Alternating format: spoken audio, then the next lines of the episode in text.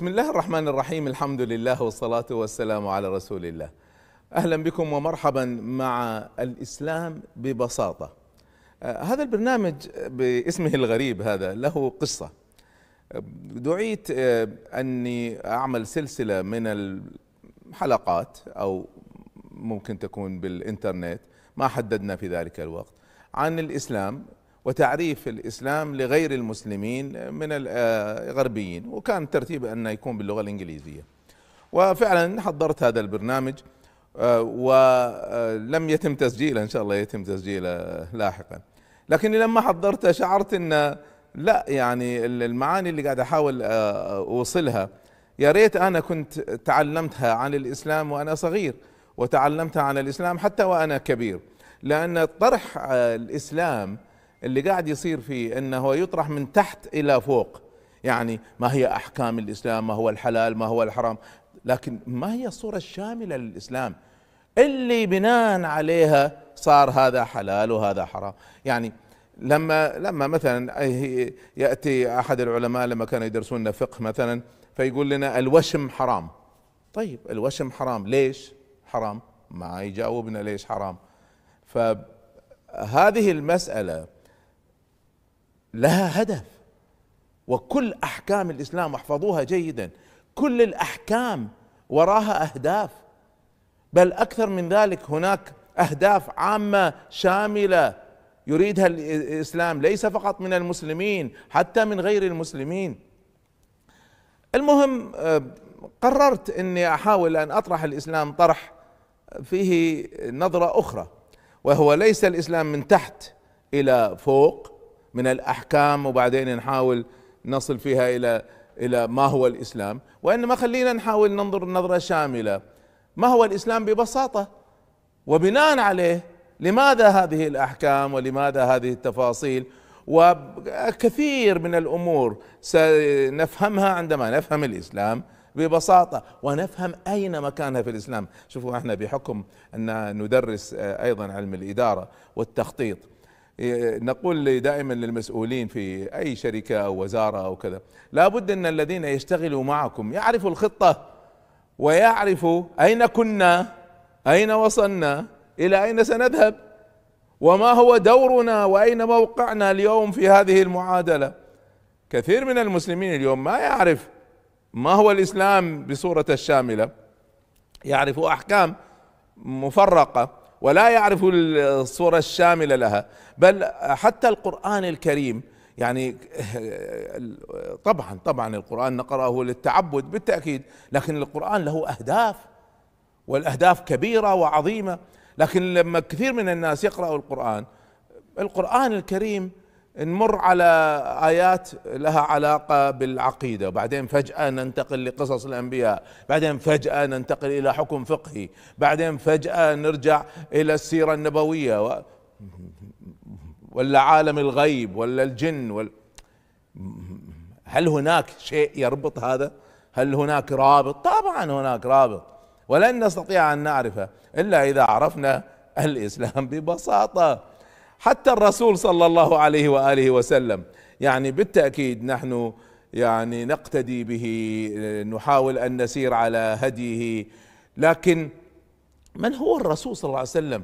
ولماذا وجدنا أن أحيانا في السيرة النبوية النبي صلى الله عليه وسلم وهذا موجود وسنذهب إليه ونرجع إليه الرسول صلى الله عليه وسلم يعطي توجيهات وبعض الصحابة يقول لا يا رسول الله أنا ما ما ما أريد أن أعمل هذا. نعم هذا موجود.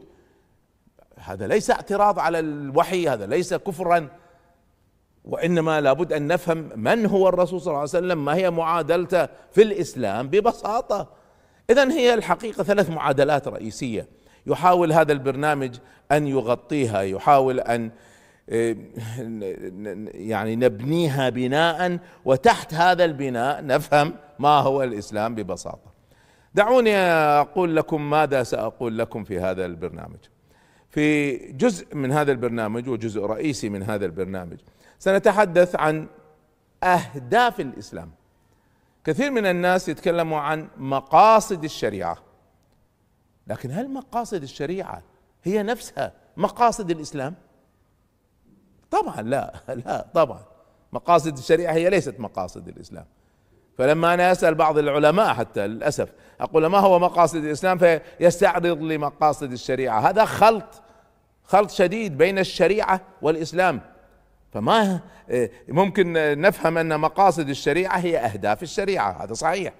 لكن ما هي مقاصد مقاصد الشريعة؟ ما هي مقاصد الإسلام نفسه؟ ما هي أهداف الإسلام؟ لماذا جاءنا هذا الكتاب الخاتم والرسالة الخالدة. لماذا؟ ما هي الأهداف التي يريدها الله سبحانه وتعالى من المسلمين ومن غير المسلمين من وراء هذا الكتاب ومن وراء هذه الرسالة الخالدة؟ وطبعا بناء عليها سنجد أيضا أن آه، اللي راح نتكلم عنه أن الإسلام ببساطة أن الإسلام ليس دينا. هذا من الأخطاء الشائعة في في فهم الناس. دين طبعا هو دين في المصطلح اللغة العربية لكن ليس دينا بالفهم الغربي للدين. يعني ما ما يجوز على الإطلاق على الإطلاق المقارنة بين الإسلام والنصرانية. لأن النصرانية دين فقط بينما الإسلام دين ومنهج حياة للإنسان المسلم وغير المسلم وللمجتمع وللدولة. فهو هو نظام شامل هو ليس فقط دين بمعنى العبادات والشعائر. لا يجوز أن نقارن الإسلام بالبوذية مثلا. هناك خلط شديد في هذه المسألة. لا يمكن أن نفهم هذا الأمر إلا إذا فهمنا الإسلام ببساطة. اذا الجانب الأول الذي سأتحدث عنه هو جانب كبير ورئيسي وهو ما هي أهداف الإسلام؟ ما هي اهداف أهداف الشريعة؟ مقاصد المقاصد. ما هي؟ فهذا الجزء الكبير الأول الذي سنتحدث عنه. الجزء الكبير الثاني الذي يدخل تحت الإسلام ببساطة أن نفهم القرآن. ولن نفهم الإسلام إلا إذا فهمنا القرآن. وطبعا القرآن في الحقيقة فيه شمولية لكل ما يريده الله سبحانه وتعالى من عباده. يعني هذه الأهداف الشاملة مفصلة في القرآن الكريم. تأتي السيرة النبوية والسنة الشريفة مفصلة ومؤكدة وشارحة. لكن الأساس كله في القرآن طبعا. ما نقدر ما نستغني عن السيرة وعن السنة ما نستغني كما يفعل بعض القرآنيين. أنا هذا منهج منحرف. أنا قاعد أتكلم عن الأساس. الأساسات كلها موجودة في القرآن الكريم. فاذا إذا لابد أن نفهم أهداف الإسلام. وسنرى انعكاس هذه الأهداف على القرآن ونفهم ما هو القرآن. ودعوني أتكلم هنا كلمتين على مسألة القرآن. القرآن الكريم كتاب. والكتب في العالم تقسم ثلاثة أنواع. كل الكتب اللي في الدنيا هذه تقسم ثلاثة أصناف فقط. إما كتب أطفال أو روايات وقصص أو كتب معرفة. نو هاو كل الدنيا مقسمة هذا. طيب القرآن الكريم من أي صنف؟ الناس حتحتار في هذا التقسيم العالمي الناس ستحتار. نحطه مع القصص طبعا ثلث القرآن قصص نحطه مع كتب المعرفة طبعا هو يعطينا معالم ومعارف في القضاء وفي السياسة والاقتصاد والعلاقات الاجتماعية كتاب معرفة. وهل هو يناسب الأطفال؟ طبعا حتى الأطفال يستطيعوا أن يحفظوه ويفهموا أجزاء كثيرة منه. إذا من؟ ما هو هذا الكتاب؟ هذا الذي سنشرحه عندما نصل إلى هذا الباب الرئيسي. ما هو موضوع هذا القرآن؟ ما وأي كتاب غير كتب القصص كتب المعرفة إذا إذا هو أقرب إلى كتب المعرفة. الآن إذا جينا لكتب المعرفة كل كتاب من كتب المعرفة سنجد له أبواب وفصول وفروع. طيب ما هي أبواب القرآن؟ وما هي فصول هذا الكتاب؟ هل هو مصنف أصلا؟ هل هل التقسيم بالسور هو نفسه الأبواب والفصول؟ جواب لا طبعا. إذا ما هو ما هي الأبواب والفصول في القرآن الكريم؟ وإذا بقي عندنا وقت إن شاء الله أيضا سنفصل في حديث عن النبي صلى الله عليه وسلم. من هو؟ هو لا هو ليس فقط نبي.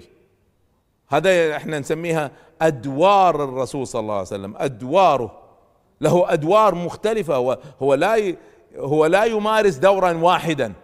وإذا لم نفهم هذه الأدوار لم نفهم لا السيرة ولا السنة ولا الاقتداء بالرسول صلى الله عليه وسلم. ما يمكن نفهمها إلا إذا فهمنا أدوار الرسول صلى الله عليه وسلم. وهي مختلفة. وفي أدوار يجب أن نلتزم بها. وفي أدوار لا يجب أن نلتزم بها. نعم هذه كلها مؤصلة علميا وشرعيا. كل الذي سأحدثكم عنه له أصول شرعية له أصول علمية. أنا أحب أن أؤكد قبل أن ندخل في تفاصيل هذا البرنامج.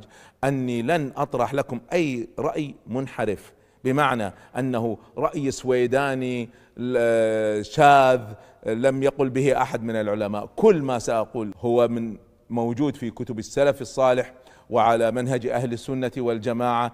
أنا لا لا أؤمن بهذه الانحرافات ولا أحب هذه الغرائب التي يأتي بها بعض الناس المحدثين ويكتفي بالقرآن ولا يفسر على راس من راسه ولا يبحث عن رأي عقائدي أو فقهي شاذ.